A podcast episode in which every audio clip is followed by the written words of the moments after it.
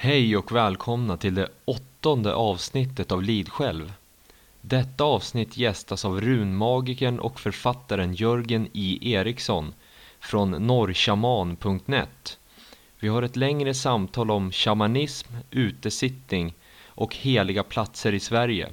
Jag som pratar heter som bekant Linus Karlén.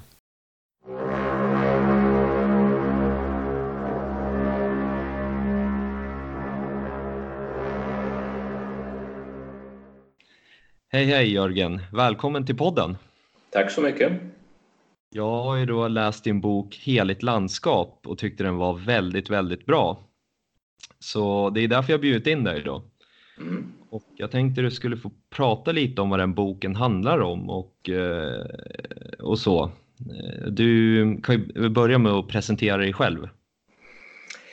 Ja, jag är eh, 71 år gammal vid det här laget. Jag har arbetat eh, med schamanska metoder sedan eh, kan man säga början av 80-talet. Eh, och idag betecknar jag mig som runmagiker. Jag arbetar alltså med det ursprungliga utarksystemet i ett schamanskt perspektiv. Och under de här åren eh, som jag har arbetat eh, schamanskt så har jag bedrivit väldigt mycket arbete i landskapet förstås. Och eh, framförallt på heliga platser. Och vad är då en helig plats? kommer vi in på direkt här. Ja, det är så att i, i shamanismen säger man ju ungefär så här att alla platser är heliga. Men vissa platser är mer heliga än andra. Mm. Och varför är det så? Ja, det finns inbyggt i skapelsen från början eh, på många platser. Alltså, det är platser som har en speciell energipotens, kan man säga, energiladdning. I schamanska sammanhang brukar man kalla de här platserna för sprickan mellan världarna. Alltså på de här platserna är det lättare att gå in i de andra dimensionerna av tillvaron, den icke-ordinära verkligheten. Och varför det är så? Ja, det, det bara är så att de här energierna finns på de här platserna. Sen kan ju människor med sina aktiviteter och eh, vad man konstruerar på sådana här platser höja så att säga heligheten, den energimässiga potensen eller potentialen kanske jag ska säga på en sån här plats. Till exempel genom att bygga en skeppsättning eller så kallade domarringar eller man kastar upp en stor hög. Ehm, man bygger olika, det är ofta stenformationer som vi känner, känner till. Man kan anlägga en processionsväg, man kan hacka in bilder i berget för att höja dess helighet så att säga. Ehm, och sen behöver det inte heller alltid vara så att det är synliga eh, spår som människor lämnar efter sig utan genom att göra olika ceremoniella aktiviteter på en plats så kan man höja dess värde. Alltså schamaner har ju under årtusenden gjort ceremonier på heliga platser. Ja, vad då för ceremonier? Ja, en ceremoni är ju ett sätt att samtala med det fördolda, det osynliga. Vare sig man vill kalla detta för andevärlden eller det kollektiva omedvetna eller unus mundus som alkemisterna gör. Det är platser där man kan kontakta det osynliga. Alltså den andra världen, det icke-ordinära. Och där man också kan ta del av kunskap som finns på de här platserna. Alltså det är en spricka mellan världarna beskrev jag det som. Mm. Och det innebär också att på de här platserna så kommer det kunskap som kommer någonstans ifrån, alltså det kollektiva omedvetna, eh, undervärldarna som en del schamaner talar om. Jag föredrar att tala om drömtiden. Så att det är platser där man kan få kunskap och där man kan få energi. Och därför har det långt in i modern tid så har ju folkliga botare använt sådana här heliga platser för sina ceremonier. De har tagit med sin patient ut och gjort någonting på så här plats. Eh, och jag kan ju nämna typ sådana platser som botarna har använt långt in på 1900-talet. Ja, jag tänkte bara, om jag får kliva in här, jag har lite ja. frågor angående det du sa i början. Vi kommer ju gå in på platserna sen. Vi kommer ju ja. gå in på alla platser i, runt om i hela Sverige. Men först tänkte jag ordet schaman, vad har det för ursprung? Det har sitt ursprung borta i Sibirien, eh, ett språk som eh, heter tungusiska så att det är bara i en enda kultur som shamaner har funnits egentligen och mm. shaman betyder då den som vet. Okay. Och eh, sen har ju då antropologer och religionsvetare satt den här termen på liknande personer och traditioner världen över. Alltså det finns ju gemensamma drag i sådana här andliga traditioner världen över. Även om, vilket jag betonar mycket numera, de regionala och kulturella och individuella skillnaderna mellan olika schamanska traditioner kan vara ganska stor. Här, här i Norden så talar man ju om eh, völva till exempel. Det var ju, eh, vi känner ju mest till att det varit kvinnliga schamaner, alltså völva. Mm. Och völva det betyder helt enkelt stavbärerska. Och vad det är för stav, det kan vi komma tillbaka till senare kanske. Eh, visman, viskvinna, alltså vitka, det var ju sådana uttryck som man använde. Och i Sydamerika det talar man om brujo, alltså som brukar översättas som trollkar eller som magiker. Så det finns olika beteckningar världen över på detta. Och det var så att det var antropologer som sa vi kallar alla för schamaner. Sen kom ju den här nyschamanska rörelsen på 1970 och framförallt 80-talet då med skrifteböckerna av Carlos Castaneda på 70-talet och sen eh, en antropologprofessor i USA som heter Michael Harner som skrev en bok som heter The Way of the Shaman, Shamanens väg. Och sen började jag hålla kurser i så grundläggande schamanska metoder. Och då spred sig det här, alltså att eh, man kallar, alla börjar kalla sig för schamaner då, det vi håller på med det är shamanism och så vidare. Så att man kan säga att det har blivit lite utslätat det, det här begreppet. Mm. Ja, men jag tänker mig också lite, det finns ju klok gubbe kan man ju också säga i ja. nordisk tradition, det är väl lite samma ja. sak. Oftast, men... oftast har de här namnen eh, betyder de den som vet, den som har mm. kraft, den som vet. Och jag skulle vilja göra ett tillägg där med den som vet hur också, därför att shamanerna alltid använt sina kunskaper bland annat för att hjälpa till med bot och bättring för människor som blir sjuka. De har hållit på med väderpåverkan, de har hållit på med att spåra upp villebråd var det finns när det är lämpligt att så och skörda och så vidare. Mm. Eh, ganska sent in i nordisk historia kunde ju folk så att säga stoppa blod.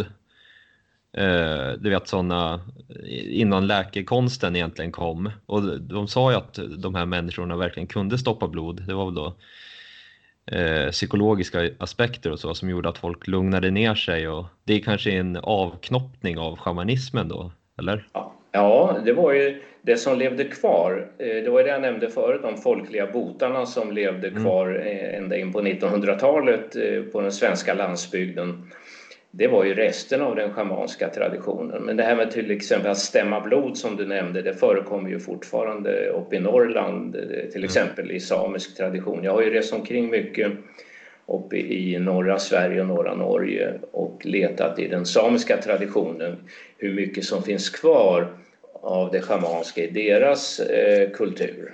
Mm, mm. Jag har en fråga till. Eh, vilken tidsålder pratar vi om? Um,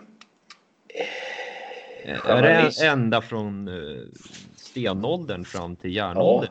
Ja, ja, ja, alltså jag skulle vilja säga så här att, att eh, shamanismen då, om man sätter denna beteckning på de här olika traditionerna, är i sig ingen religion. Den är andlig, den har en djup andlig aspekt och den ser allting som levande och som möjligt att kommunicera med. Man kan tala med stenar och djur och träd och med själva jorden och så vidare. Eh, men det är ändå ingen så religion med fastställda dogmer utan det finns en stor individuell frihet bland utövarna och så. Så att det är en föregångare till religion kan man kanske säga. Mm. Och eh, vi kan säga så att vi vet att det har förekommit så här shamanism i alla fall 30-40 000 år. Eh, och det kan man dra slutsatser av utifrån de eh, grottmålningar och klippmålningar som man har hittat eh, i Europa, i Sydafrika, i Australien och så vidare. Du sa ju tidigare att det betyder han som vet. När jag hör ordet shaman, då tänker jag i princip en druid eh, som är lite pälsar och sådär. Alltså den, den, eh, den bilden får jag.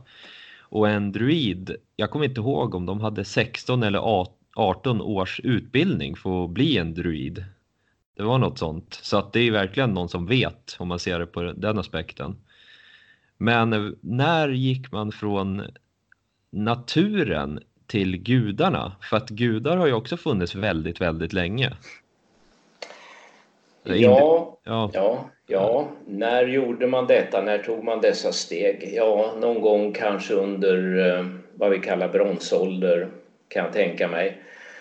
Um, ja, det. Och, och det, vi, det, vi känner till alltså av förkristen nordisk tradition det är ju berättelser som eh, skrevs ner på Island framför allt 11 och 1200-talet av kristna munkar eh, som då satte på pränt eh, en del av de muntliga berättelser som fortfarande fanns i, i samhället.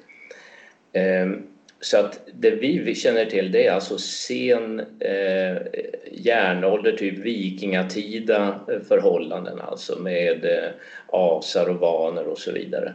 Men de har ju inte funnits forever alltså. Och vad fanns före dem? Alltså ja, inom shamanismen, de schamanska kulturerna så ser man ju alla naturföreteelser som en sorts släktingar. Va? Alltså det är farfar eld, det är moder jord, det är fader himmel och så vidare.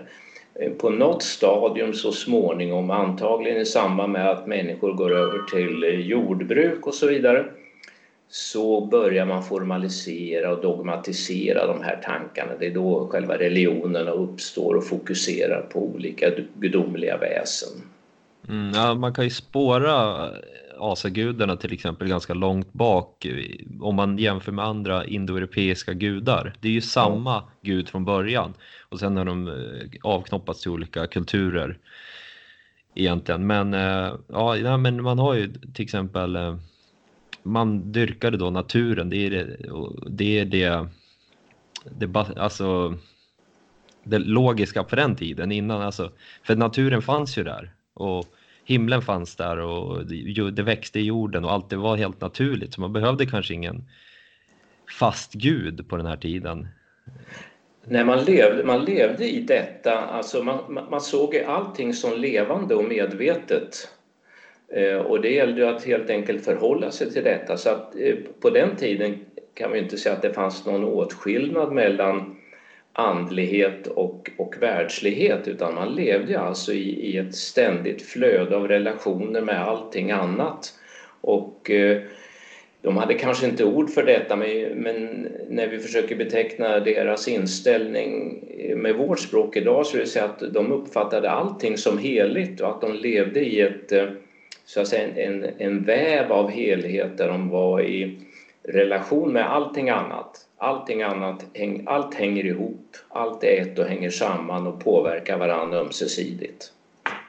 Ja, jag tänkte fråga även eftersom eh, ja, eh, den här podden handlar ju främst om nordisk tradition och så, så jag tänkte finns det något i Eddan eller gamla skrifter eller någonting i asatron som eh, omnämner shamanism och utesittning och, och sejd vet jag att det nämns en hel del. Är det något du har koll på?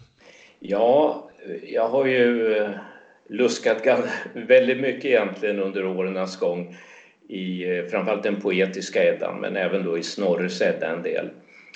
Eh, och jag säger så här att både den poetiska Eddan och Snorres Edda de är primärt skönlitterära verk. Och eh, till den poetiska Eddan finns det ju många olika upphovsmän och upphovskvinnor och vissa av de här sångerna är ju eh, sammanblandning eller, eller en, en, fusion av flera olika, vilket man kan se till exempel i den här långa sången om Oden, alltså Havamal. Den mm. består av många olika delar som man har fört ihop så småningom.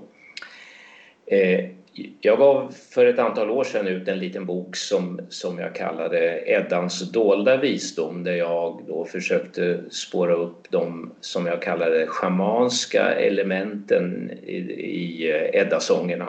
Och det finns en hel del sånt, men jag ser det mer som fragment. Alltså det, mm. Det är sånt som har levt kvar och som när man tecknade ner det här på 1100-1200-talet kanske inte hade full förståelse för. Eh, Snorre hade väl rätt stor förståelse för vad det handlade om. Eh, men ändå så, så eh, är det ju inte den ursprungliga magiska dimensionen alltid närvarande. Men, men i sångerna Edan finns otroligt mycket magi skildrat. Va? Och mm. eh, det finns ju den här sejdceremonin som är den, den primära schamanska ceremonin i, i den förkristna traditionen. Den finns ju omnämnd redan i eh, första sången i den poetiska Eddan, Völvans spådom. Ja, precis. Ja, och det är under eh, hela den völvans spådom är ju en slags visionär upplevelse som urvölvan har under ett eh, schamanskt tillstånd, alltså av förändrat medvetande, ett, ett transtillstånd.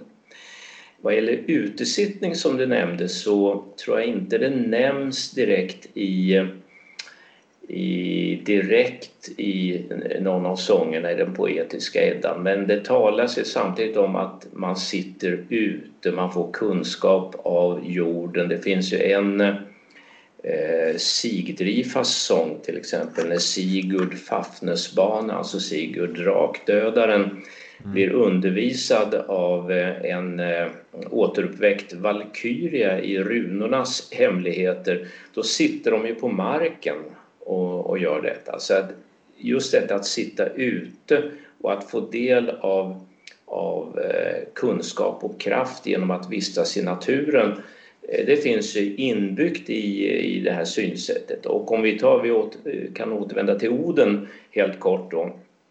Hans initiationsupplevelse skildras ju i Havamal. Oden hänger nio dygn i världsträdet Yggdrasil Eh, utan mat och dryck eh, och sårad av sitt eget spjut.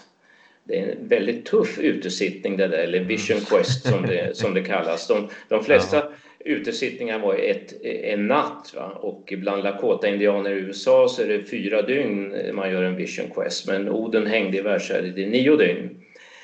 Och sen tar han upp, han tar upp runor säger han. Eh, och var tar han dem ifrån? Ja, de tar han ifrån jorden naturligtvis. Han får dem från Moder Jord och när han har fått det så faller han ner ur trädet. Va?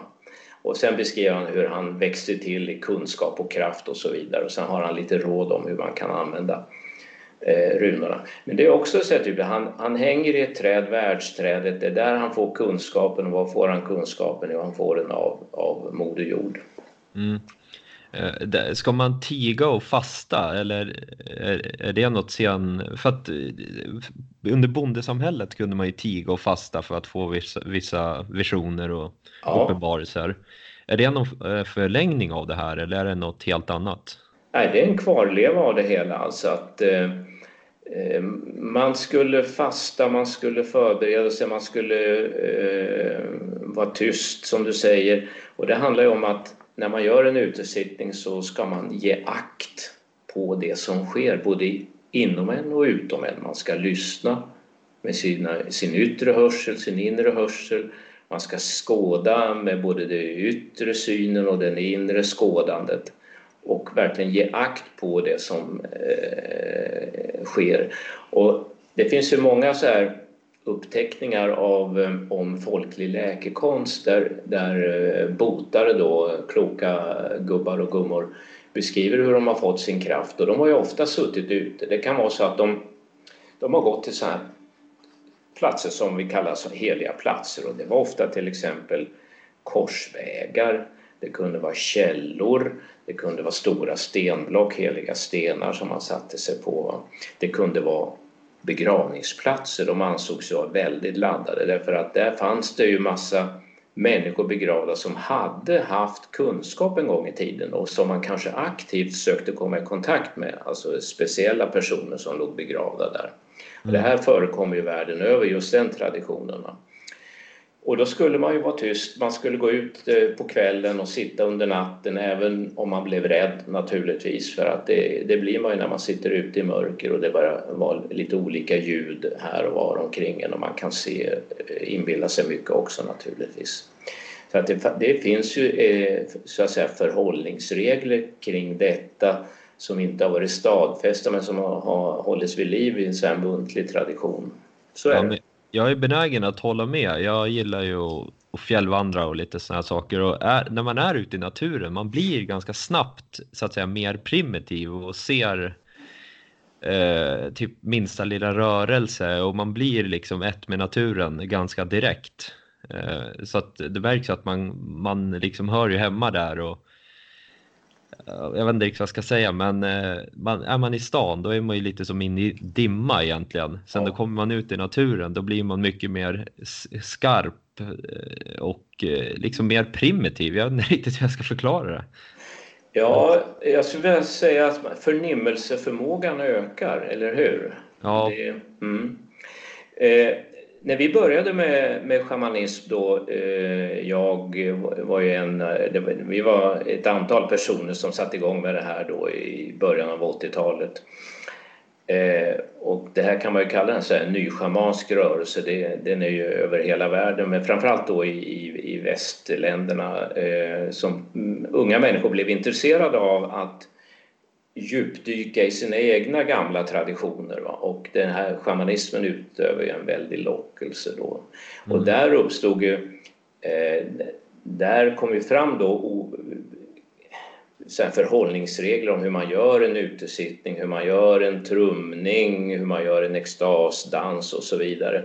Och de här grejerna som, eh, förhållningsreglerna som kom upp inom den här nyschamanska rörelsen, de kom ofta direkt alltså från nordamerikanska indiankulturer, för där har man ju bevarat väldigt mycket av det här ända in idag alltså.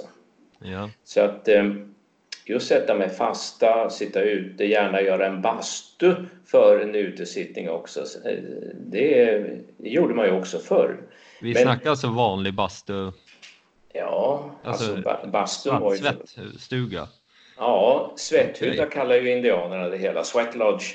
Men eh, sweat lodge har alltså en tradition som funnits världen över, även i varma trakter. Va?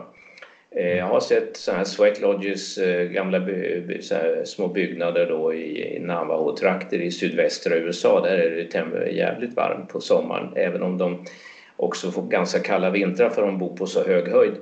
Eh, men den finska saunan är ju från början en, en eh, väldigt andlig eh, tradition kan man säga och man har gjort många intressanta saker inne i bastun. Man har fött barn, man har botat sjukdomar och så vidare. Så att, bastun är ju i sig en, alltså en reningsprocess både andligt och kroppsligt. Jag tar upp bastubad i andra avsnittet av den här podden som heter Ja, det handlar om vikingars renlighet bland annat och sådär. Ja. Eh, jag tänkte att vi ska gå vidare till själva boken, men först, det är en sak vi inte har riktigt eh, belyst än. De håller ju även på med gallrasång när de kommer upp i extas och så vidare. Eh, I, det, jag kommer inte exakt ihåg vart det är skrivet, men om det är Eddan eller något liknande. Är det något du känner till? Ja då, eh, det finns en sång i den poetiska Eddan som heter Groas galdrar, eller Groas galder. Och det är ju en eh, gammal så att säga trollkunnig kvinna, det vill säga en, eh, en schamankvinna som lär ut magiska sånger till sin son. Och han kommer till hennes gravkummel där hon väntar på honom. Hon är död alltså. Mm, Okej. Okay. Ja. Men det är också en sån här eh, typiskt att man inom, inom den här traditionen så var det helt okej. Okay. Man kommunicerade med de döda, det var inget konstigt i det. Man, man använde dem som rådgivare. Ja. Och, hon, och hon lär ut då olika gallrar till sonen som han kan behöva på sin färd i livet. För han, han står naturligtvis inför, inför stora utmaningar. Det är mycket sån här hjälte eh, skildringar i eh, sångerna i den poetiska Eddan också. Alltså en ung man oftast som står inför stora utmaningar och sen får massa kunskap, behöver massa kunskap för detta som man oftast då får från kvinnor. Det är väldigt intressant. Det kan vara en gammal död mamma eller det kan vara en, en död valkyria, alltså stridskvinna som man väcker upp och så vidare. Jo, det här galder, ordet galder kommer ju, hänger ju samman med eh, gala. Alltså om du tänker göken gal och tuppen gal. Ja. Eh, så att man gav ju de här sångerna som var uppbyggda, i alla fall som vi vet då när de här myterna nedtecknades eh, i en speciell versform som man kallar galdralag. Det ska ha vissa allitterationer och så i det. Men från början var det nog inte så bestämt. Va? Det här påminner väldigt mycket om jojk. Mm. En jojk kan ju vara ordlös och eh, ibland kan den innehålla lite ord också. Men vad man ville åstadkomma med galdern det var ju alltså att eh, förändra tillvaron. Man ville kanske bota en sjukdom. Eh, man ville bota ett benbrott hos en häst man hade eller man ville få en ko att mjölka bättre. Men det fanns ju också mörka gallrar där man ville åsamka skador på någon som man tyckte illa om och så vidare. Va? Eh, och det här med att bli galen, det kan man ju bli när någon har gallrat mot en.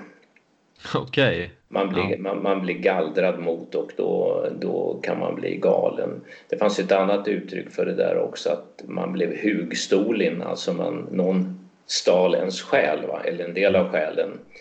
Man blev håg, håglös säger vi idag, men eh, håglös för tusen år sedan det var mycket farligare än att vara håglös idag. Va? För att eh, då hade du blivit av med en del av din själ som någon hade eh, tjuvat ifrån dig helt enkelt. Okej. Okay. Ja, det är väldigt intressant. Men jag tänker, vi ska gå vidare till boken Heligt landskap. Mm. Och jag kan ju säga själv att jag har läst den här boken för eh, jag kan, det kanske var fem år sedan eller något, men den är väldigt, väldigt bra. Men du kan ju berätta lite om den för våra lyssnare. Ja, som jag nämnde i, i, i början av vårt snack här så har jag ju varit ute mycket på heliga platser och gjort olika ceremonier. Vi var eh, i början då på 80-talet när vi så att säga sökte vår väg i, i den här schamanska. Vi hade ju ingen vi hade ju inga äldre att gå tillbaka till och fråga hur gjorde ni? Utan vi var ju tvungna att försöka rekonstruera allting från utifrån vad vi kan se i andra kulturer. Det var därför jag hade rest omkring upp i, rest omkring upp i Sápmi också så småningom, eftersom det finns mer kvar av traditionen där. Men vi jobbade väldigt mycket inne i landskapet på heliga platser. Vi höll på och trummade och vi gjorde utesittningar och så vidare. Och på så vis så har jag varit på en hel del sådana här platser och eh, började läsa också om det här med heliga platser och vad som kännetecknar dem. Och det är ju, många är ju, är ju kända och är ju eh, skyddade på olika sätt. Som, vi har ju kulturminneslagen till exempel, den skyddar ju alla sådana här platser fast eh, ett ganska begränsat skydd om vi ska vara ärliga. Eh, och sen en del är ju skyddade som naturreservat eller nationalparker och så vidare. Och så småningom så började jag fundera på om man inte skulle göra någon så här lista över sådana här heliga platser alltså som skulle kunna vara en hjälp för andra att inte börja, behöva börja på noll igen alltså när man ska leta efter heliga platser.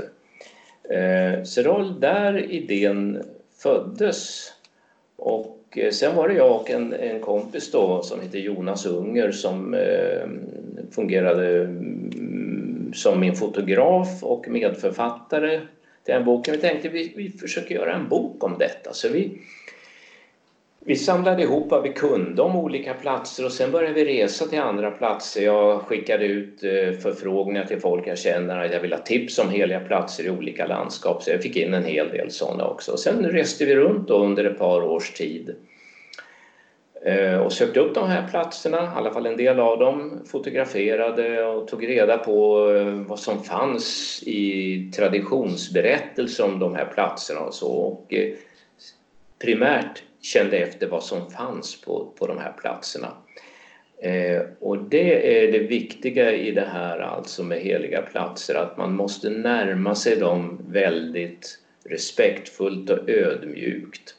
Och det finns någonting som jag kallar ställets sed. och som eh, nordamerikanska indianer kallar för proper protocol. Alltså varje plats har sina regler för hur man kan vara där, va? hur man kan mm. uppträda, alltså rätt förhållningssätt. Alltså det finns en närvaro av energier på de här platserna. En del kallar det för andar. Eh, jag säger numera bara att det är, det är förhöjda energier där. Va? Och på något vis så är de, de är medvetna, det går att kommunicera med dem och de kan också ha synpunkter på vad man gör. Om man beträder en sån där plats eh, utan respekt så kan man drabbas av det kan hända obehagliga saker, alltså, det kan det göra. Eh, det kan dyka upp plötsliga oväder och vindbyar och det kan hända saker som man gör att man blir jävligt rädd. Va? Eh, så att det är viktigt att man närmar sig de här platserna med ödmjukhet och eh, att man lyssnar på dem också. Eh, vad är det ni vill? Alltså, vad vill ni oss? Vad vill, vad vill ni? Vad är ert budskap till världen så att säga? Och jag har ju haft med mig väldigt lite eh, attiraljer när jag varit ute så här. Eh, många tycker om att ha trumma med sig ute i, i skog och mark och trumma och bullra lite så här. Det, det kan ha sin betydelse också för att eh, Moder Jord tycker ofta om att bli trummad för, så är det va. Mm -hmm. Men eh, när jag söker upp sådana här heliga platser så eh, är jag i allmänhet väldigt tyst. Jag kanske har med mig någon liten skallra så här bara för att eh, skärpa mitt eget eh, medvetande, min egen förnimmelseförmåga också. Men, men också för att eh, göra platsen uppmärksam på att jag är där. Va? Alltså, det som finns där, de energier som finns där eller de andeväsen som finns där, att de ska aha, här kommer någon. Eh, och sen brukar jag sjunga runor. Alltså jag sjunger runorna. Mm -hmm. eh, och det är ett sätt för mig att balansera mig gentemot platsen och också visa att jag har goda avsikter så att säga. Och när jag sjunger runor så förändrar jag också mitt medvetande. Jag går in i en, en, vad kan man säga, en lätt trans ett förändrat medvetandetillstånd. Och sen gäller det att avlyssna platsen. Man kan göra en utesittning men man kan också, vi var ju kortare eh, stunder än så på de här platserna. Man, man sätter sig ner en stund och lyssnar och ger akt på vad som sker. Man känner av intuitivt var energierna är där, man kan ströva omkring lite grann. Jag brukar alltid ha med mig också en sorts, man måste ha med sig en gåva alltså till sådana här platser. Det är, man får inget utan att ge något, så är det va.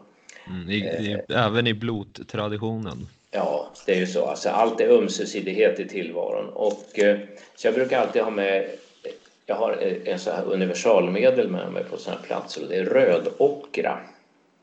Okay. Eh, jag vet inte om du vet hur man får fram rödockra? Eh, tyvärr inte.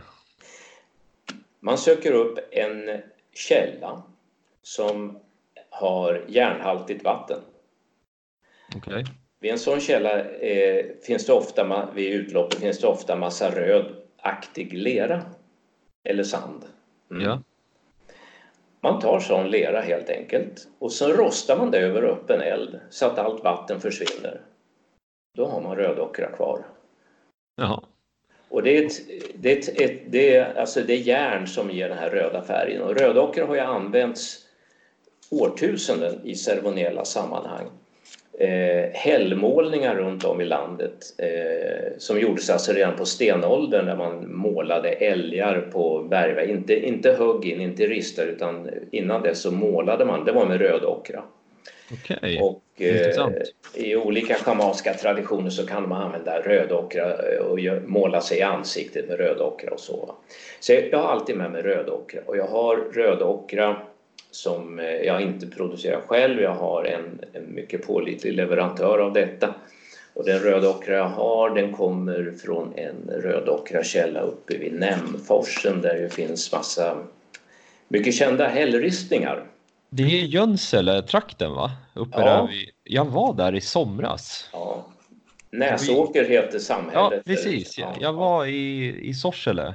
Jag ja. åkte, åkte förbi där och gick runt där och tittade på dem i en halvtimme, timme.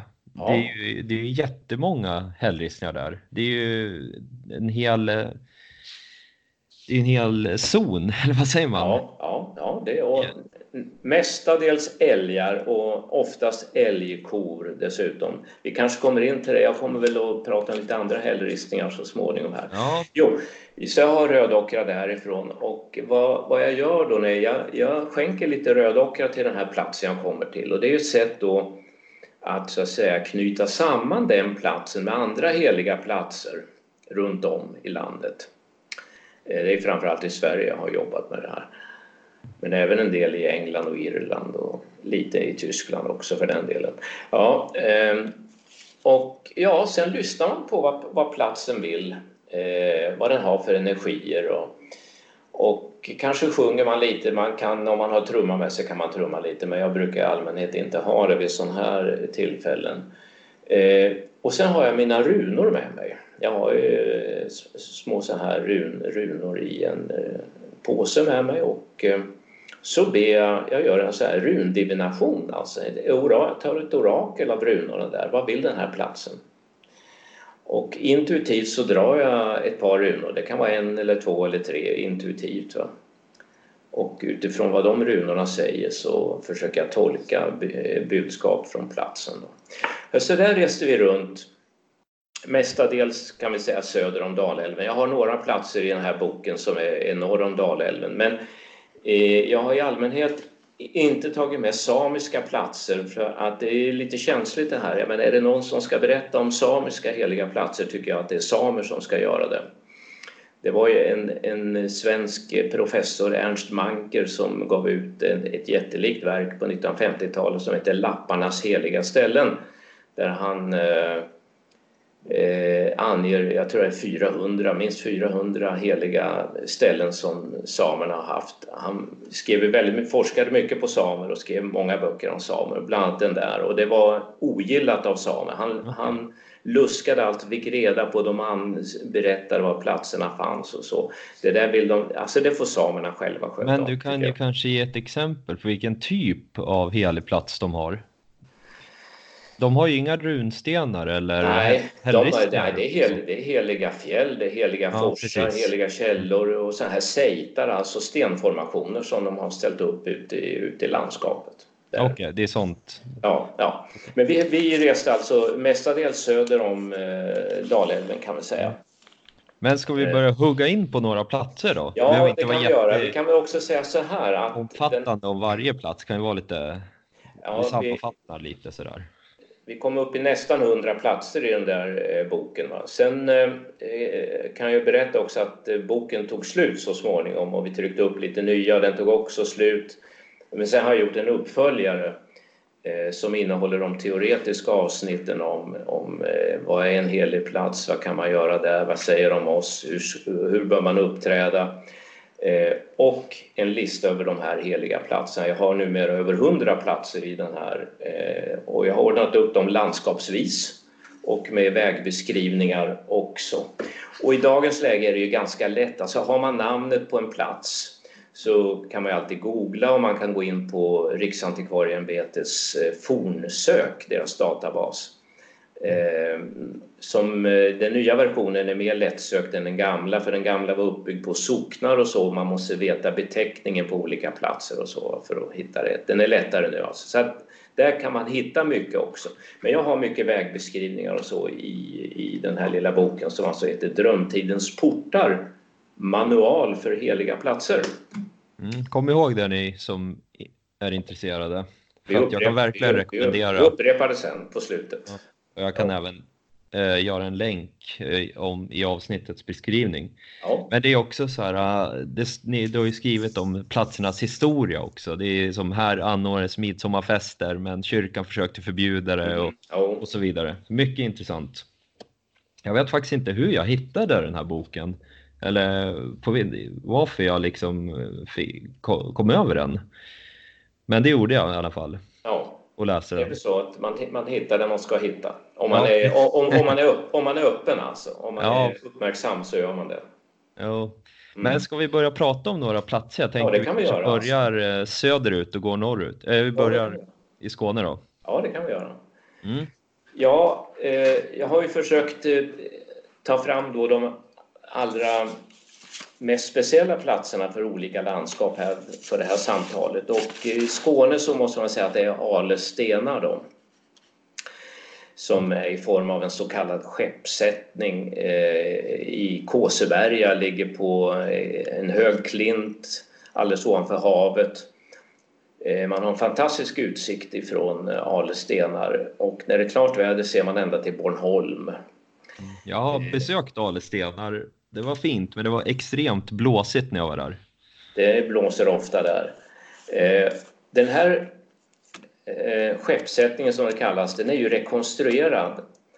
Man vet inte om det var exakt så här den såg ut då, när den byggdes, så man vet inte riktigt när den byggdes. Men jag skulle tippa att det var på 400-500-talet kanske av vår tideräkning. Men sen finns det de som anser att den är ända från bronsåldern, vilket jag eh, inte tror riktigt på. Ehm, och bönderna där hade, det var ju ofta så alltså, att sådana här stenar som man använde i sådana skeppssättningar, de var ju väldigt de var platta och fina och kunde användas i byggarbeten och så. så man, eh, det var många så här skeppssättningar som monterades ner helt enkelt och blev byggnadsmaterial. Och man vet, när man har gjort sådana georadarundersökningar där vid eh, Alestena så vet man vid sidan av den här stora skeppssättningen så har det legat ytterligare två mindre skeppssättningar. Så att det har varit ett, ett, det har varit ett väldigt stort monument redan från början. Och frågan är, är det skepp, är det verkligen skepp det här, Ale stenar? Alltså jag, man kanske bara ska säga megalitmonument. Kanske är det så att det är Moder Jords vulva som avbildas och inte ett skepp. Alltså Nej, det, det där är ju det är ju olika teorier helt enkelt. Ja, det är det. Att det är en ingång alltså till Moder Jord helt enkelt och, och en, en plats med en väldigt tydlig spricka mellan världarna. Hur som helst så ligger det här skeppet då, om vi kallar det så, med stäven och akten eh, i en väldigt intressant riktning, nämligen nordväst, sydost. Så att står man i mitten på den här stenformationen så kan man se solens uppgång på vintersolståndet över aktern, så att säga, rakt över akterstenen. Och mm. solens nedgång vid sommarsolståndet rakt över, över för eh, stävstenen. Då alltså. Så att uppenbarligen är den ju så att säga eh, lagd efter solens rörelser. Mm. Ja, men det är mäktigt. Ja, och det, det intressanta, alltså det är ju jättemycket turister där. Ja, eh, Alestenar. Och jag har ju varit med i samband med kurser som jag har hållit nere i Skåne, i Chamonix, så har vi varit där på blanka eftermiddagen ibland och gjort eh, ceremonier och haft massa åskådare. De undrar vad vi har gjort, men de har, de har varit väldigt så här respektfulla, hållit sig på avstånd när vi har stått inne i det. Vi kanske har trummat och så där inne. Sen har de efteråt kommit fram och frågat vad det har varit för någonting egentligen. Men ändå, de har visat en respekt och jag tänker på att när man ser människor komma upp där på, det, det är en ganska lång sluttning upp man måste gå för att komma upp till själva stenformationen. Och det är mycket barnfamiljer som gör utflykter där och så vidare. När, man ser, när barnen kommer upp där så blir de så otroligt ystra. Alltså de skuttar omkring och skrattar och har sig. Eh, så att de känner ju av de här energierna som finns där väldigt väl. Va? Det är någonting alldeles speciellt med energierna på Ale stenar. Mm, mm. Mm. Ja, nej men äh, åk dit ni som ja. äh, känner för det. Det är väldigt ja. fint där. Det är det. Ska vi gå vidare till Halland? Vi kan gå till Halland och där har jag valt ett ställe som heter Asige. Det är en by som heter Asige. Det ligger en kyrka som heter Asige kyrka och det här asige namn, namnet eh, har man tolkat som asarnas eke, alltså asagudarnas heliga lund. Vilket tyder mm. på att det har, att det har varit en, en, en väldigt speciell plats en gång i tiden.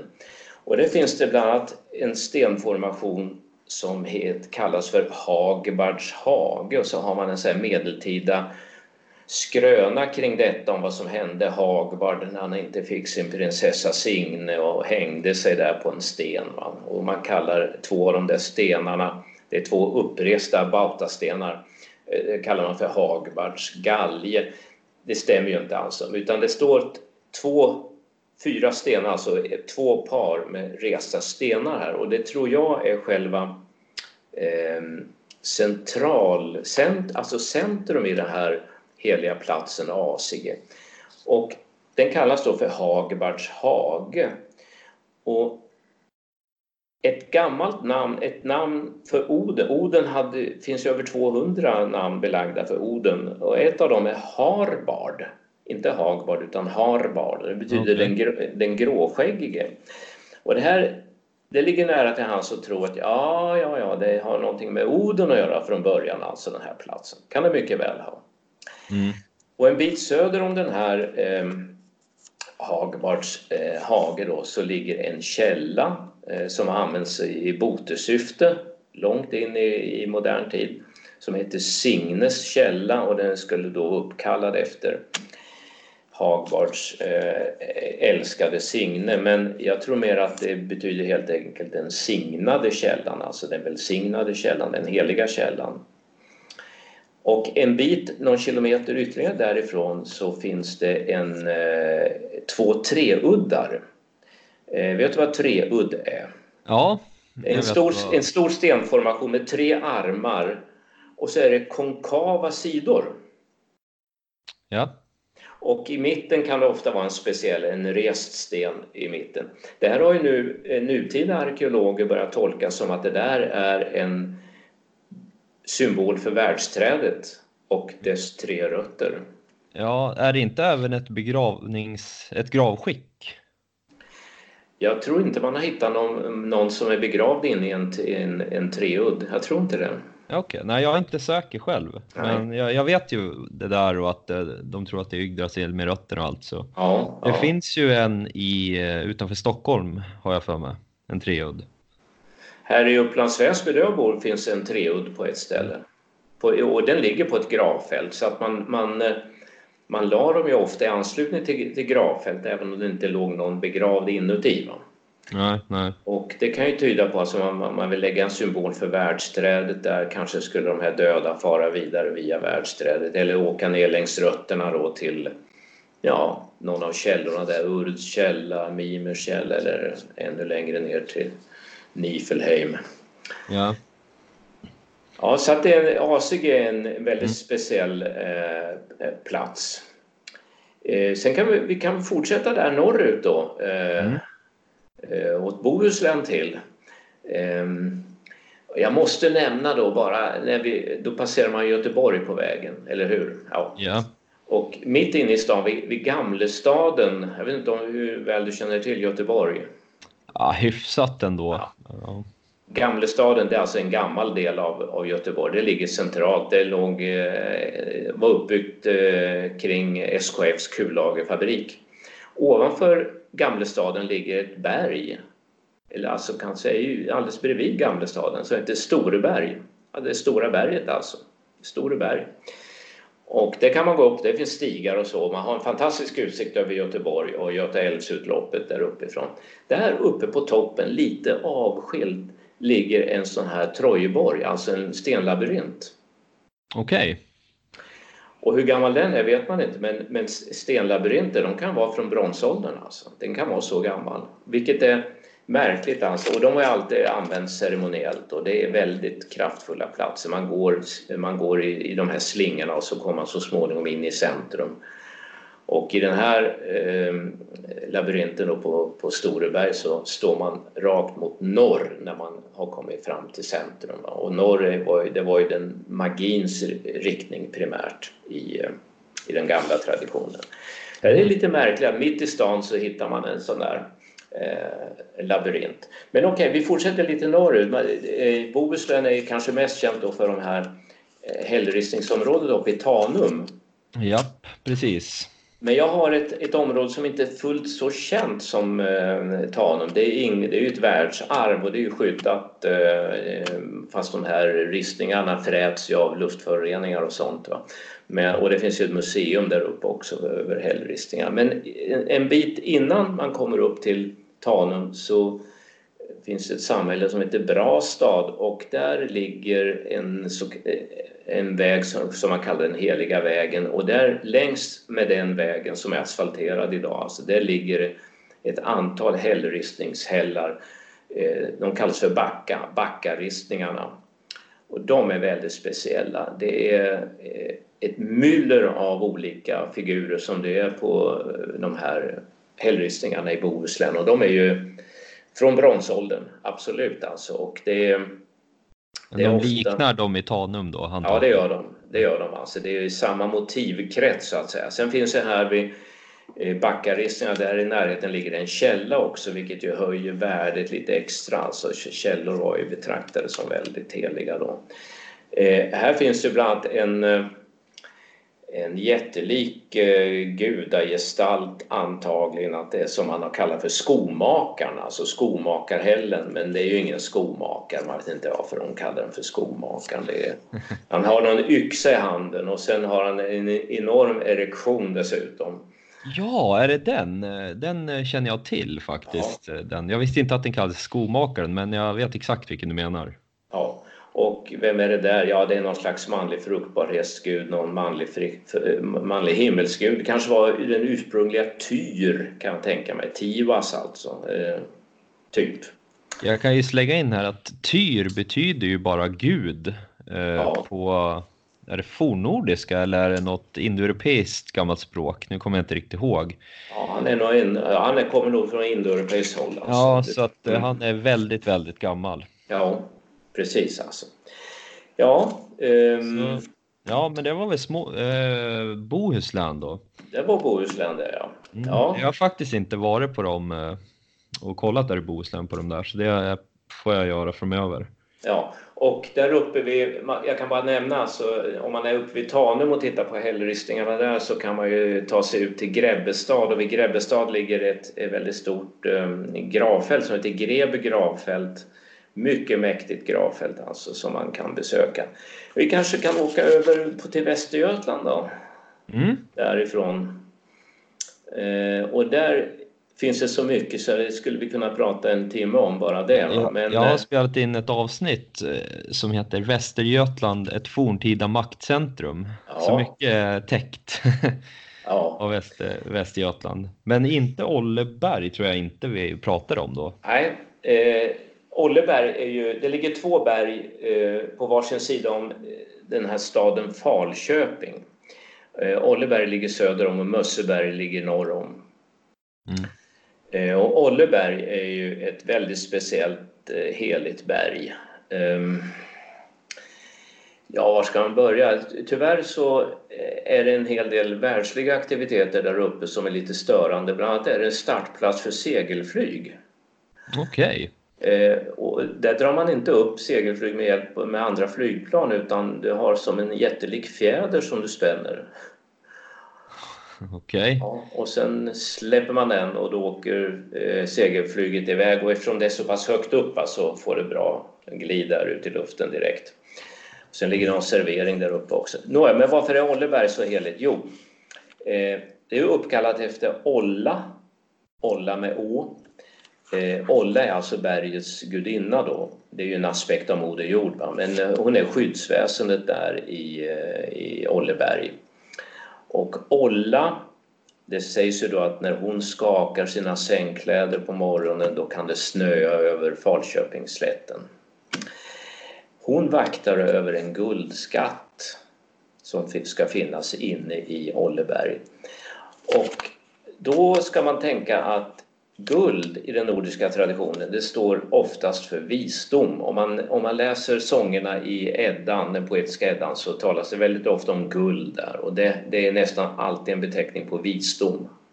Och visdomen finns ofta inne i berg. Bergets visdom, ja det är Moder Jords visdom. Mm, mm. Eh, och de här myterna de har ju levt kvar väldigt långt in i modern tid.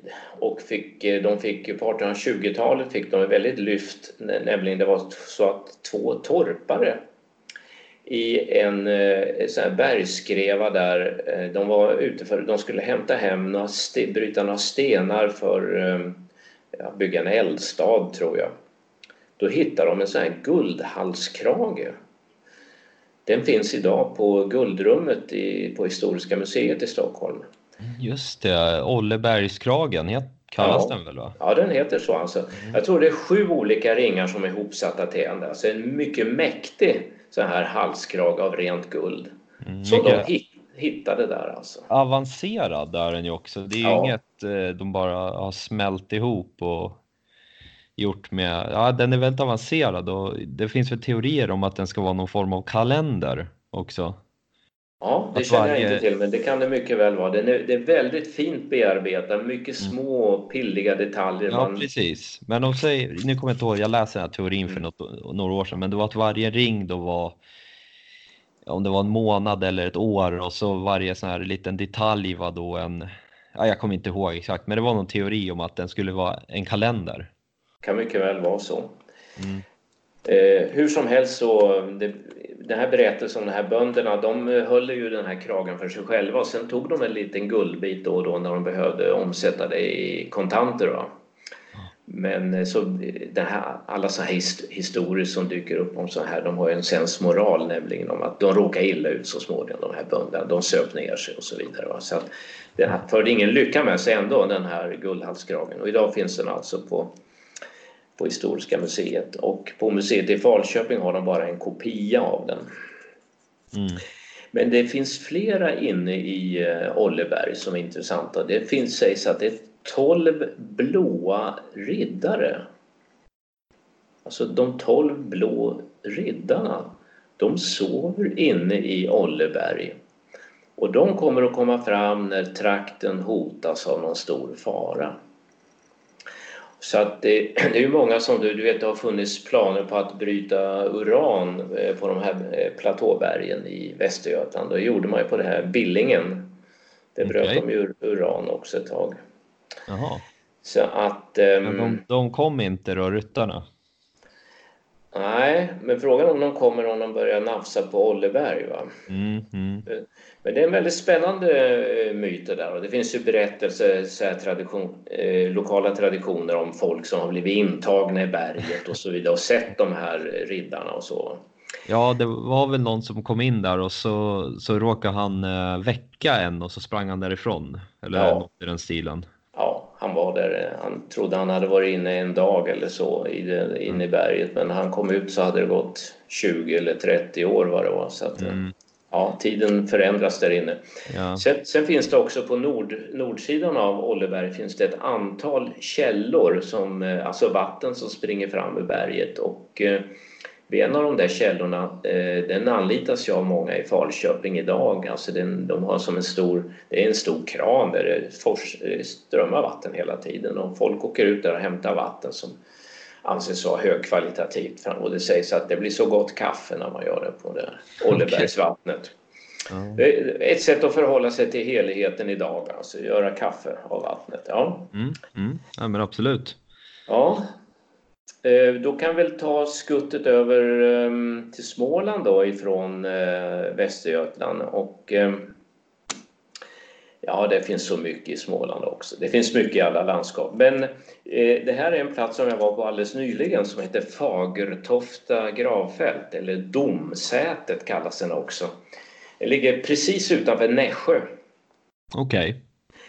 Och Eh, Eh, det är ett fantastiskt fint gravfält. Det vårdas ju alltså med, med slotter och så. så att, eh, och sen har det väl, på 50-talet var det, så gjorde de en viss rekonstruktion, alltså de stagade upp stenar och ställde i ordning. Det hade ju rasat omkull och sådär.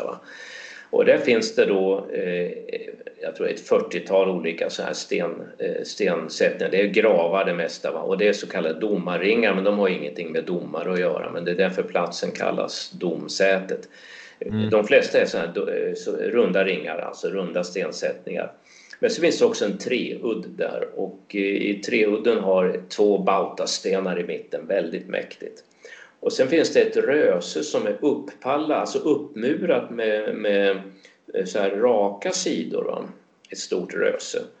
Och bredvid det där röset så ligger det en eh, så här stencirkel med sex stenblock. Och de här stenblocken är i form av liggande hönor som arkeologerna brukar kalla det. det. Alltså det ligger en sten på två eller tre mindre, alltså upppallade. Okej. Okay. Och det är inte så vanligt i, på sådana här ställen att man pallar, upppallade stenar. Och när man pallar upp stenar så här så kan det bli att de eh, ger ifrån sig ljud, alltså att de blir sångstenar. Det är ju ett sånt här uttryck. En, en, man, kling, man slår med en sten, annan sten på och då kan man få ett klingande ljud istället för det här dämpade bunk. Mm. Man bara... Mm. Och en av stenarna här sjunger lite grann alltså, så att det är ett väldigt speciellt ställe. Och ovan, mm. i sluttningen ovanför eh, det här gravfältet så ligger en källa som kallas Midsommarkällan och där har man en, ända in i modern tid alltså gått på midsommarnatten för att dricka och eh, göra ceremonier och få bot och bättring. Och när jag var där, det, var, det är vatten i den källan, det flödar lite grann. Och det låg, eh, jag var där nu i september, det låg mynt, mynt, silvermynt på botten där. Så att eh, den anlitas fortfarande av människor. Mm. Och just den där kombinationen gravar, stensättningar och källa, det är väldigt mäktigt. En fantastisk plats. Just med att det ligger mynt där. Jag har spelat in ett avsnitt som heter Den svenska offerseden om att svenskarna egentligen aldrig har slutat offra. Ja. Eh, inte ens än idag håller vi fortfarande på. Ja. Så ja, det är just det med mynt då. Så är det. Okej, okay, om vi är Småland då så kan vi, vi skulle kunna hoppa över till, eh, till Gotland vi ändå ja. är inne på det här med sångstenar för att jag skulle vilja nämna den där sångstenen som finns utanför Lärbro. Eh, på en kreaturs, en fårbetad hed ligger den. Eh, en sångsten det är alltså en sten som egentligen eh, består av ett speciellt eh, mineral som kallas fonolit. Och det, har ju, det är fon, det är samma som i fono, alltså ljud. Det är en, en bergart i sig som ger en, en klang. Och den här eh, sångstenen som ligger där utanför Lärbro den kallas för Sangelsteinen då på gammelgotländska. Den har också ett antal väldigt stora skålgropar i sig. Skålgropar de är ju bronsålders. Eh, alltså små fördjupningar man gör i en sten och sen lägger offer i av olika slag. Ofta är de här eh, skålgroparna ganska små men här är de stora, alltså som, eh, kan säga, som handflator och ganska djupa. Mm. Vanligtvis är de ju som pingisbollar i princip. Ja, men här är de som, eh, nästan som handbollar. Nej, mm. inte riktigt, men någonting däråt. Alltså som handflator, så skulle mm. jag nog vilja säga. Och sen finns det en lokal myt om att eh, de där groparna på stenen, det blev när den Olav den helige skulle kristna gotlänningarna och stod inför en stor strid där. Då knäböjde han eh, på den här stenen och bad till Gud om hjälp och så vidare. Men det är ju en sten som har använts alltså i, i olika fruktbarhetsceremonier och väldigt länge.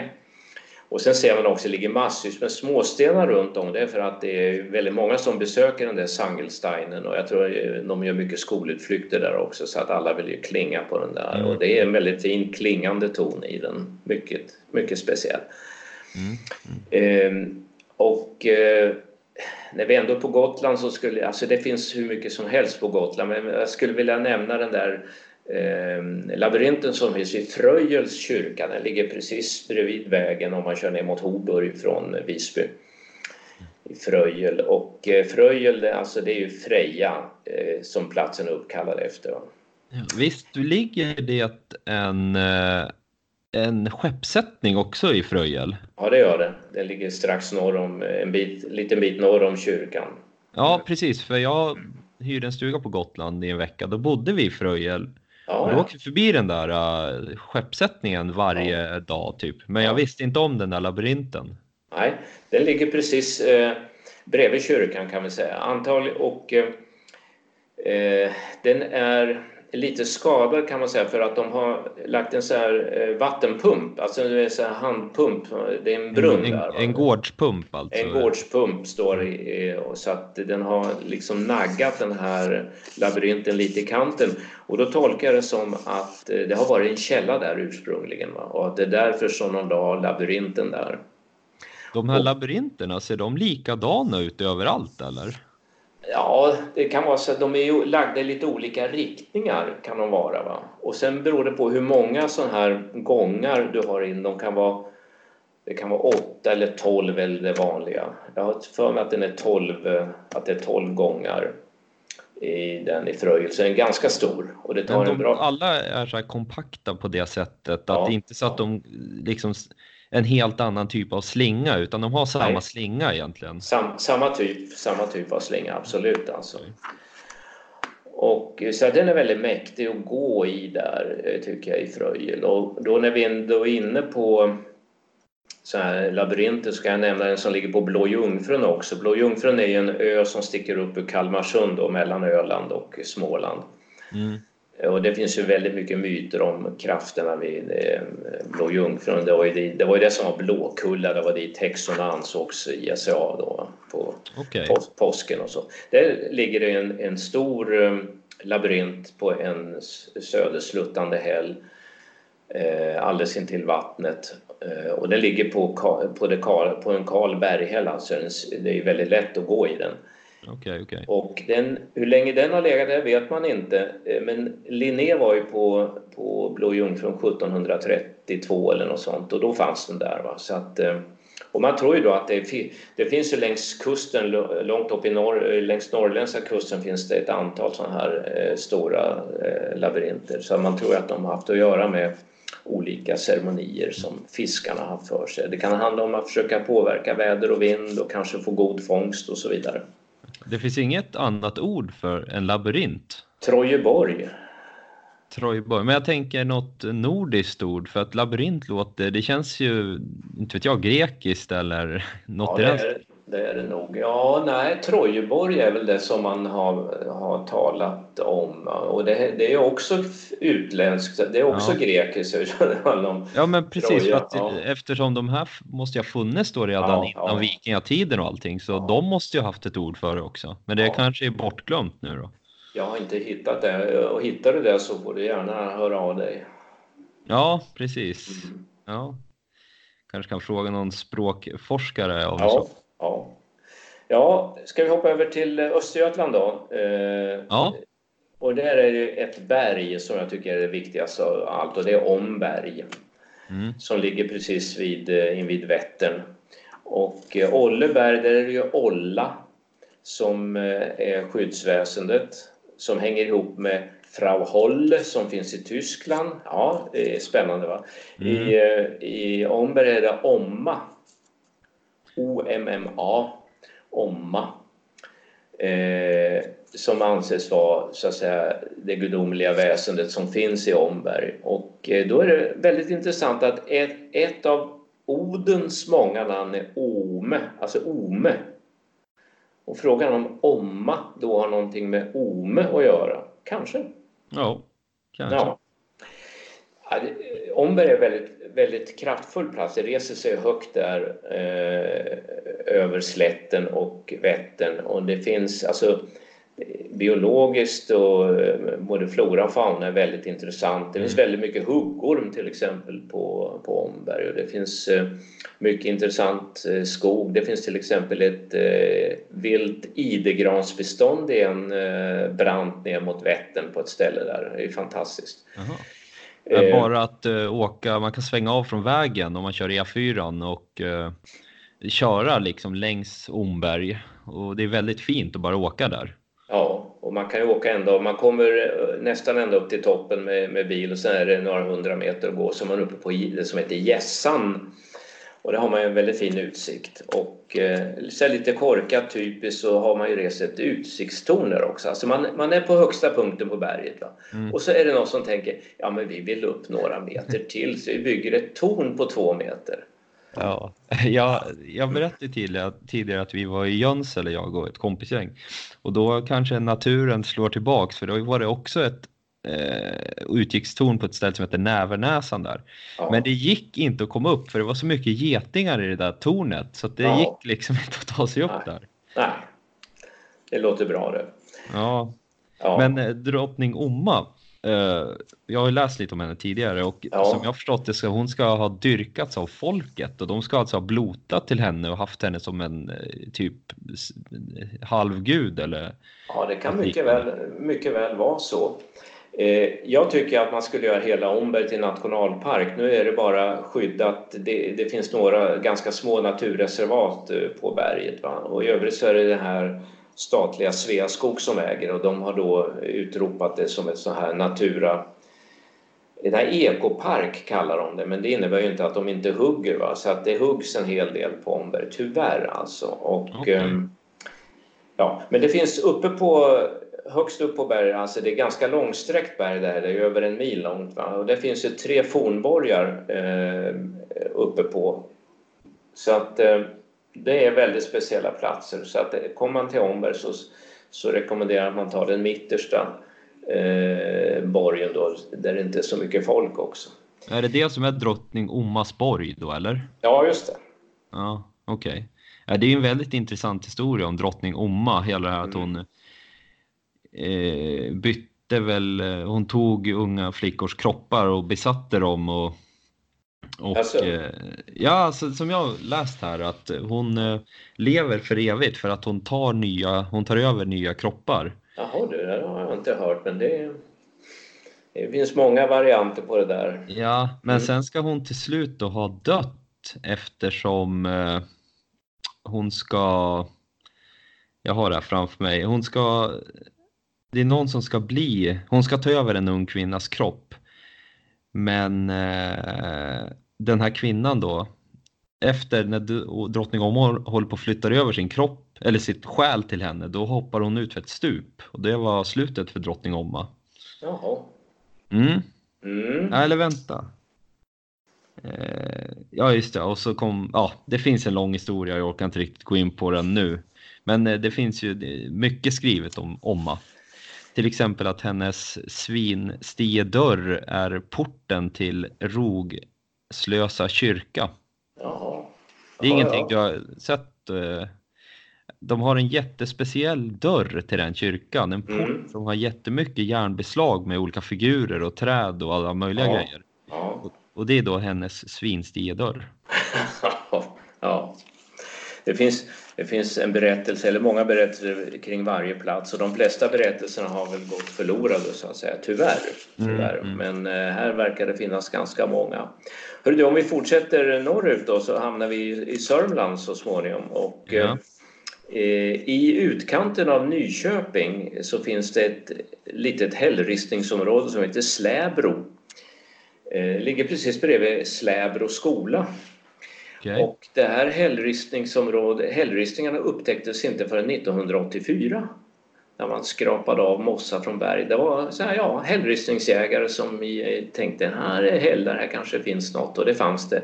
Och de är världsunika de eh, ristningarna där eh, i Slävro. Det är, de är helt abstrakta alltså. Det är massvis Jaha. med abstrakta eh, figurer som påminner, ja man skulle säga påminner om skalbaggar och maneter och sånt men det är ju inte det va? utan det är, det är någon slags andeväsen eller så. Man, man försöker Ja, vi fick ju visioner av att här är folk som har tagit svamp va? som har gjort de här. Men kan det inte vara människor från en annan kultur då kanske? Jo, det kan det också. De, de, är, gamla, de är gamla, det är bronsålder. Ja. Det där alltså. Och då gick Nyköpingsån som nu går eh, ja, kanske 100 meter nedanför. Den gick precis bredvid och mynnade ut i havet där. Va? Så det var, här möttes Nyköpingsån och havet.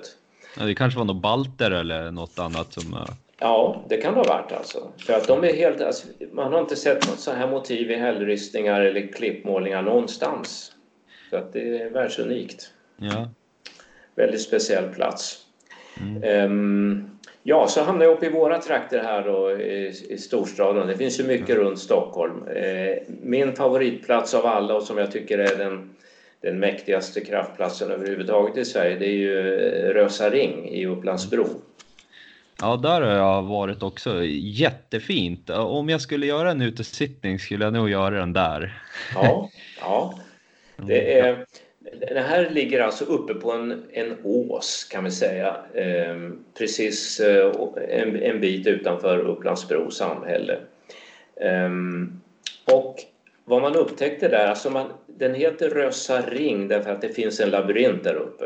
Det är själva ringen där va. Och Rösa, ja, det är att det finns rösen där, det är, grav, det är ett gravfält där uppe också.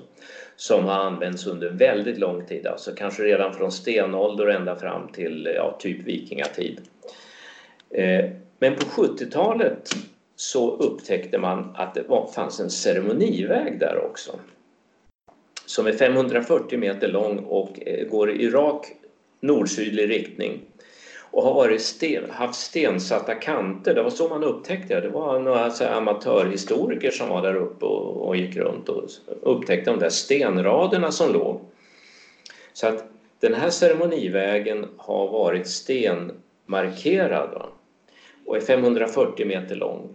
Mm. Och där den börjar då, eh, alltså 540 meter norr om gravfältet, så finns det rester av någon byggnad som har stått där. Det har man då kallat för likbod eller så. Jag skulle vilja säga att det har varit som ett litet eh, kapell eller tempel där kanske.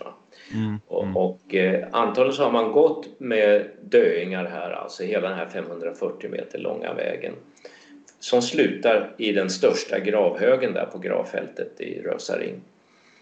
Och den här att gå den här ceremonivägen det är en, en, en, mycket mäktig upplevelse och jag rekommenderar alltså vintersolståndet mm. klockan 12 så står ju solen mitt i den här gatan när man går eftersom den är... Okay. Nu ska säga, ja, det skiljer någon grad va, från rak nord-sydlig så att det är strax efter klockan 12. Va. Men eh, då kan man gå, om det är soligt på vintersolståndet, då går man rakt in i solen då, alltså i 540 meter. Det är en mycket mäktig plats. Ja, jag är benägen att hänga med. Jag tog ett foto på min äldsta dotter när hon går där och det var väldigt ja. speciellt att liksom här går min dotter på den här tusenåriga fina vägen. Det var ja. ja väldigt mäktigt var det. Ja.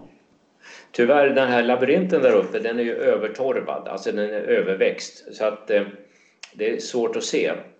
Man, man ser att det är en labyrint men man kan inte, det går inte att se hur man ska gå i den riktigt. Va? Och sen är det, är det några luftskallar som då tänkte någon gång att de skulle försöka rekonstruera det där och då rörde de ju till det ännu mer naturligtvis. Mm. Ja.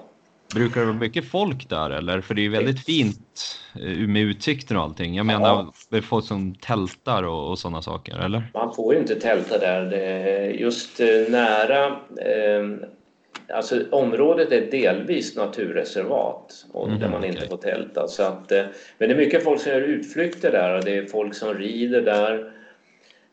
Um, och det tror jag också med sådana här heliga platser att människor trivs på heliga platser därför att även om man inte har en så här andlig inriktning så känner man att det är ofta behagliga och balanserande energier där så att det, det känns bra där. Va?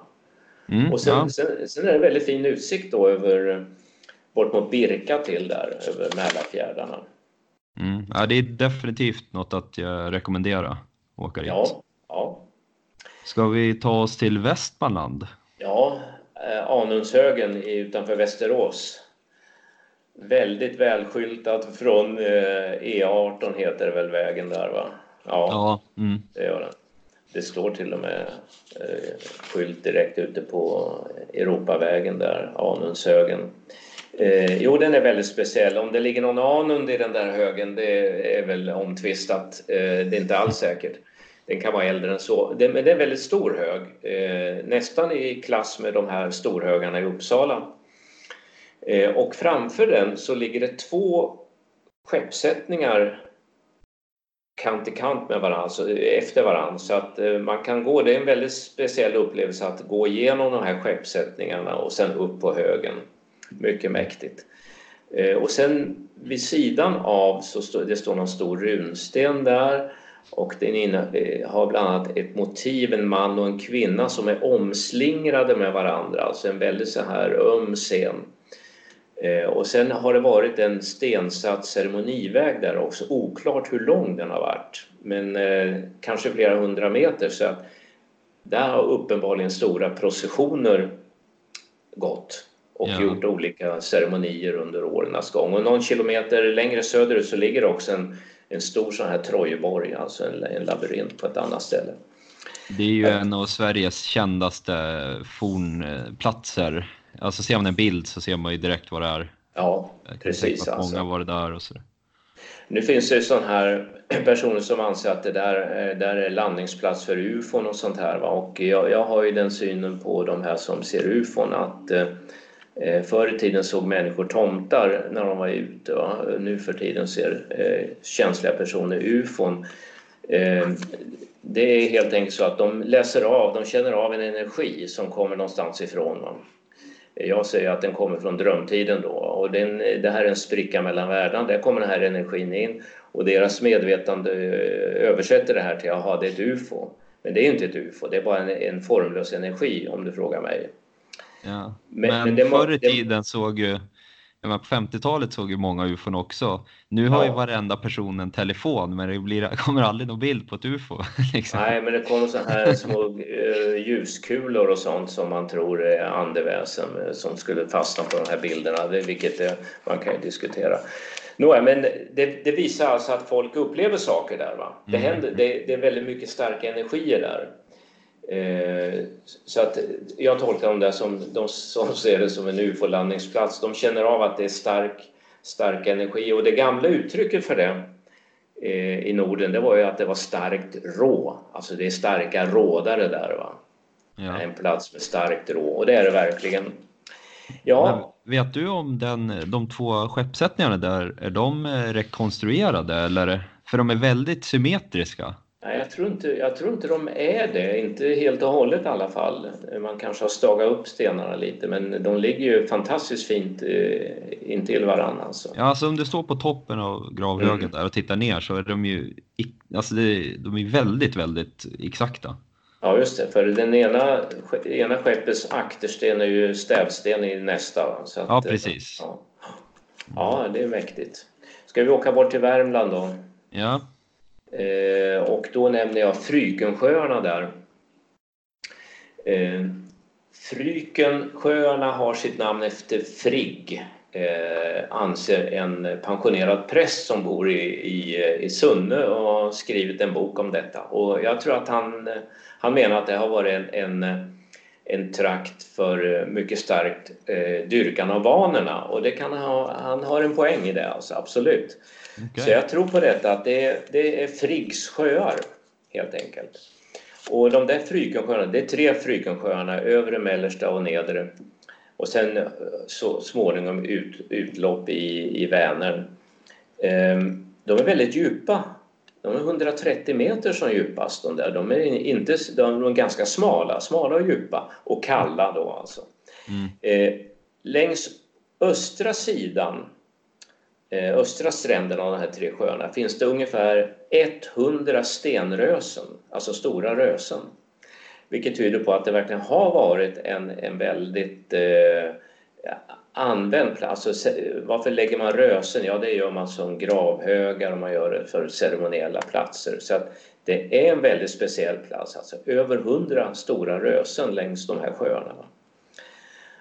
Så att eh, jag var där i eh, förra hösten och eh, höll då en, en kurs där och sen var vi ute och gjorde lite ceremonier på en av de här platserna. Lappnäsudden hette den. Det är ett antal rösen som ligger där och sen är det, ser man resten av ett stort en fyrkant som då arkeologerna kallar för kulthus. Alltså det har funnits en byggnad där som var ja, fem gånger tio meter, alltså väldigt stor alltså. Mm. Mycket, mycket mäktig plats och sen har man utsikt mot eh, ett berg som ligger precis norr om Sunne som heter Tossebergsklätten. Eh, och det där Tosseberg, det är inte att man är tok, blir tokig om man går upp där, tossig alltså, utan jag tror att det har med Turs att göra, alltså Turs, att det var ett tillhåll för jättar. Va? Ja, just det. Ja, absolut. Och det där berget har ju då Selma Lagerlöf använt i, det är väl i Gösta Berlings saga, men hon ger det något helt annat namn naturligtvis. Men hon, hon förlägger då en magisk björn till, till detta berg som bara kunde skjutas med hjälp av en kula som man hade tagit från kyrksilver och eh, malm från någon kyrkklocka och så skulle man stöpa den en torsdagkväll och så vidare. Hon, hon hade ju mycket sådana magiska berättelser alltså. Så att det var något speciellt, väldigt speciellt med det här Tosseberg, Tossebergsklätten också. Ja. Eh, och, Dalarna. eller? Dalarna, vi går över till Dalarna och eh, där finns det ett ställe som heter Frostbrunnsdalen som ligger vid Stora Tuna. Man parkerar bilen vid Stora Tuna kyrka och sen går man ner i Frostbrunnsdalens naturreservat. Det är en ravin. Vart ligger Stora Tuna i, i, någonstans då? Stora Tuna, det är väl Borlänge som är närmast. I centrala Dalarna någonstans? Ja, ja. Okay. Mm. det är det. Det är inte särskilt långt norrut. Mm. det är precis söder om Dalälven eh, för att den här Frostbrunnsdalens ravin mynnar ut i Dalälven va, som sen rinner söderut. Ja, eh, Frostbrunnsdalen där finns det mäktiga källsprång. Den här eh, själva ravinen är väl eh, den är kanske någon kilometer lång och otroligt frodig grönska, ett rikt djurliv och fågelliv och så vidare. Eh, och där har ju folk använt brunnsvatten, alltså det här källvattnet för bot, botceremonier och det var stora eh, ceremonier där kring eh, trefaldigheten. Va? Eh, det var ju därför man kallar de här källorna för trefaldighetskällor och det är alltså i slutet av maj eller början på juni eh, som det samlades mängder av folk där och drack av det här brunnsvattnet då för att eh, bli av med sina sjukdomar. Och den, det här det kommer fram på många ställen i den här ravinen, det här källvattnet. Det liksom, man kan se att det bubblar upp ur vattensamlingar, alltså det är sånt tryck från, genom botten där. Okej. Okay. och ehm, det där vattnet strömmar alltså norrut mot Dalälven. Och det var ju så att eh, norrinnande källor, det var ju det som botarna framförallt sökte därför att eh, man ansåg att eh, man kunde släppa iväg sjukdomarna norrut då. Man använde brunnsvattnet, källvattnet mm. för att ta bort sjukdomen och den fick ge sig av åt norr där den skulle höra hemma. Det här Frostbrunnsdalen, det har ju med Frej att göra, alltså frö. Det är frös och brunn, det är källa va. Frös källor helt enkelt. Okej. Okay. Mm. Ja, det låter häftigt. En mycket speciell plats alltså.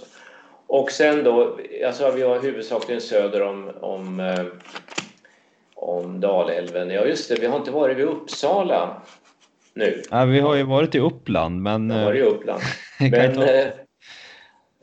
eh, Uppsala ändå. Alltså, Uppsala, vi, du har, har även stor, stor, Jämtland kvar också. Ja, Storhögarna i Uppsala och sen har du Valsgärd i Gravfält strax intill. Men väster, precis i västra utkanten av Uppsala ligger den mäktigaste platsen av alla och det är Hågahögen.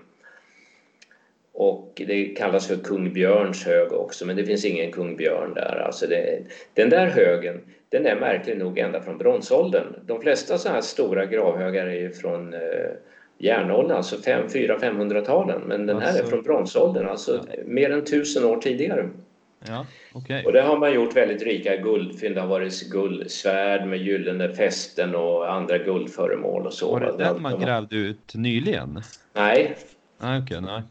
Eh, jo, de har gjort några kompletterande grävningar där faktiskt. Eh, men just som det när de hittade de här eh, rika guldföremålen, det var alltså i början av 1900-talet. Eh, väldigt speciella, det finns väldigt speciella energier där. Va? Och man vet av de fynd man kan göra mer ytligt på den här stora gravhögen så kan man se att den har använts långt senare för olika ceremonier. Man har hittat ben efter olika djur och så vidare. Så det har ju skett offringar där va, på olika mm. sätt och vis. Och precis en bit väster om eh, själva högen i en lund, eklund där, så ligger det en sån här sångsten också med eh, skålgropar i som har en väldigt fin klang. Ja, detta om ja. Hågahögen som jag re verkligen rekommenderar. Ja, jag får, ja, får åka ja. dit. Eh, jag åker ganska ofta förbi Uppsala och sådär. Så. Ja, åk ut till Håga då. Ja, för eh, jo. Eh, Nämforsens hällristningar pratar vi om, men, men, vi, ska ta, vi kan avsluta med de där hällristningarna som finns i Jämtland. Och det är ett ställe som heter Glösa som ligger i, i Krokom. Mm. Jag eh, kommer från Jämtland. Det gör du? Mm. Inte från Krokom kanske, eller? Nej, jag är från Östersund. Ja, ja. Då är det men... några mil, men det är inte så många mil bort till Krokom. Nej, men jag tror att vi har varit med skolan eller något i Glösa. Jag har något så svagt minne av det. Det kan det mycket väl ha varit. Det är en, en väldigt, eh, alltså det, det, är ett antal, det är väl ett 40-tal ristningar där va, mest av älgar och de är på en väldigt liten yta så att det är väldigt eh, koncentrerat och det är det Glösabäcken flyter förbi. Eh, och det här vattnet från Glösabäcken, när det är högt vattenflöde så flödar det över på de här ristningarna. Det är väldigt maffigt där. Alltså det är också älgar mestadels. Och det är nästan alltid älgkor som avbildas både där och i eh, Nämforsen.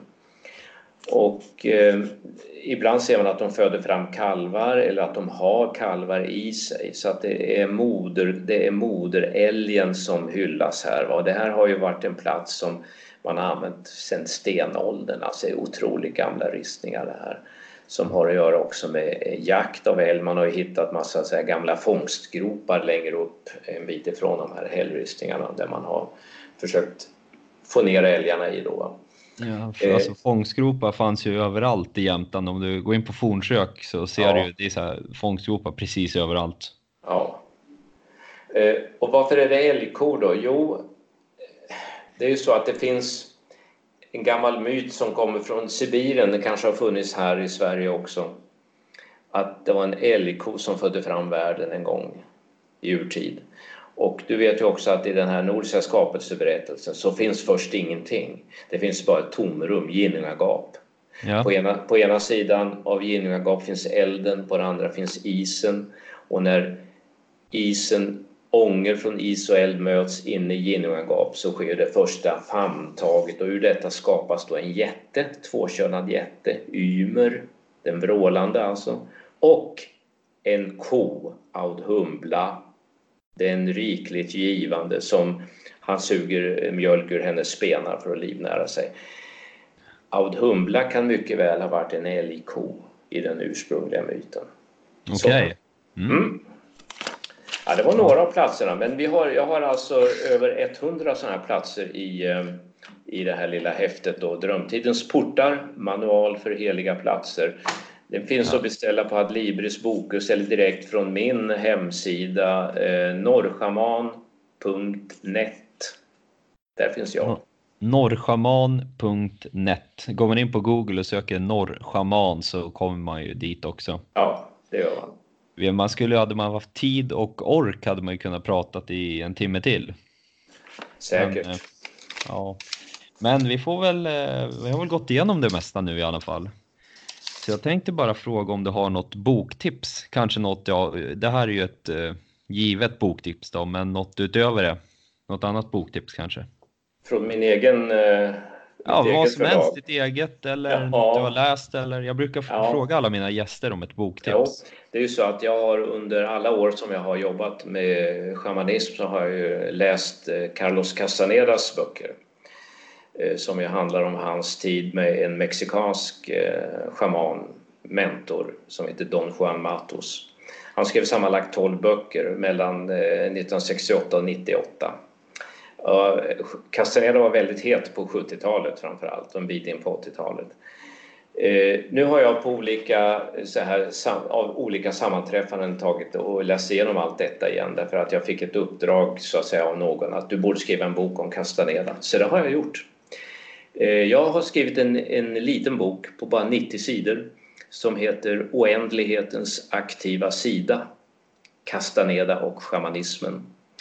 Eh, den vill jag rekommendera. Det, det, är mitt hjärtebarn just nu och den visar väldigt mycket vad, vad jag vill arbeta med nu och hur jag ser paralleller mellan Castanedas och Don Juan Matos mexikanska shamanism och den fornnordiska. Mm. Ja, men jag får länka till de här grejerna då. Men eh, då får jag tacka för att du gästade podden och det var extremt intressant. Mm. Tack ska du ha. Ja, tack, tack själv. Tack. hej. hej. hej.